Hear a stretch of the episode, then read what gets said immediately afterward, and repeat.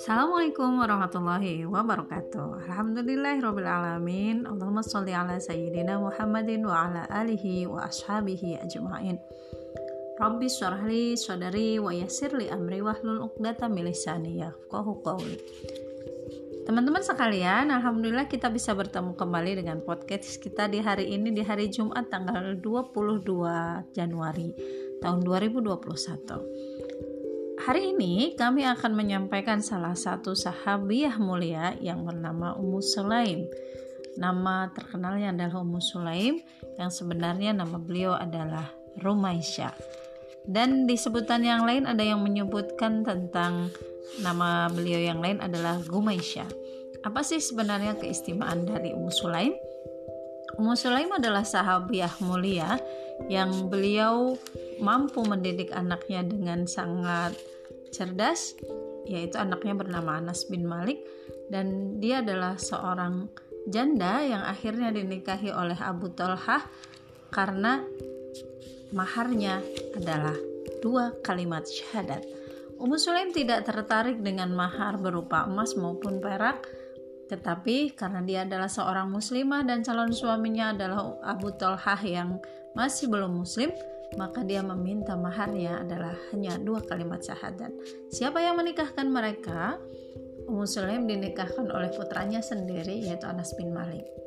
Nah, sebenarnya Ummu Sulaim ini sebelumnya menikah dengan Malik dan Malik ini tidak mau untuk masuk dalam Islam. Akhirnya mereka berpisah dan di satu kesempatan Malik berkelahi dengan musuhnya. Akhirnya Malik ini meninggal dunia dalam keadaan belum muslim.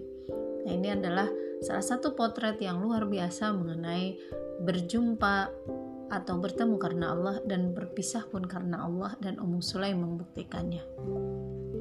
Nah, bagaimana dengan kehidupan Ummu Sulaim bersama Abu Talha? Nanti kita akan membahasnya dalam podcast kali ini. Abu Talha itu setelah masuk Islam dia menjadi seorang sahabat yang sering bersama Rasulullah ikut e, mengikuti peperangan dan banyak hal yang dia pelajari dari Rasulullah. Dan salah satu hal yang paling utama dari keluarga antara Abu Talha dengan Ummu Sulaim ini, mereka sering sekali melihat Rasulullah ketika sedang lapar dan Rasul itu tidak menyatakan bahwa beliau lapar tapi Abu Talha bisa mengetahuinya dan kemudian meminta istrinya untuk memasakkan. Nah, peristiwa yang luar biasa ketika Rasul sedang lapar, Abu Talha meminta untuk memasakkan dan mereka cuma memasak sedikit.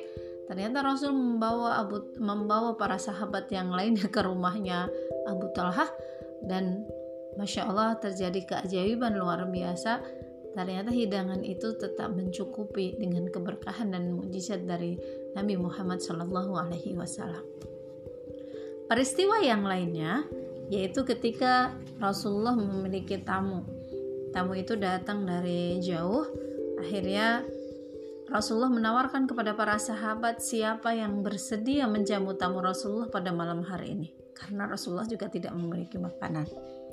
Yang disanggupi oleh Abu Talha. Padahal di rumah Abu Talha hanya ada sedikit makanan saja yaitu makanan untuk putra mereka yang bernama Abu Umair. Abu Umair ini masih kecil.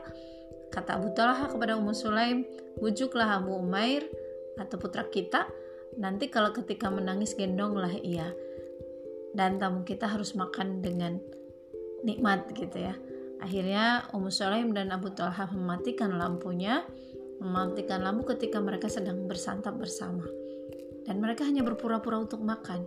Di malam itu mereka tidak makan, tamunya makan, dan anaknya pun ikut tidak makan. Itu masya Allah luar biasa.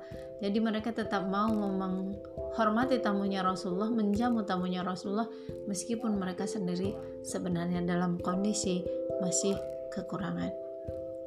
Dan masya, luar biasanya keluarga ini selalu ikut dalam peperangan-peperangan bahkan bukan cuma Abu Talha saja, Ummu Sulaim pun di perang Hunain, di perang Uhud itu sebagai salah satu sahabiah yang membantu mengambilkan air, kemudian merawat para tentara muslim yang terkena senjata dan sebagainya, mengobatinya. mengobati mereka yang terkena senjata itu luar biasa. Di perang Hunain, Ummu Sulaim itu sampai membawa tombak untuk berjaga-jaga. Itu itulah keistimewaan dari Ummu Sulaim. Demikian, semoga ada manfaatnya.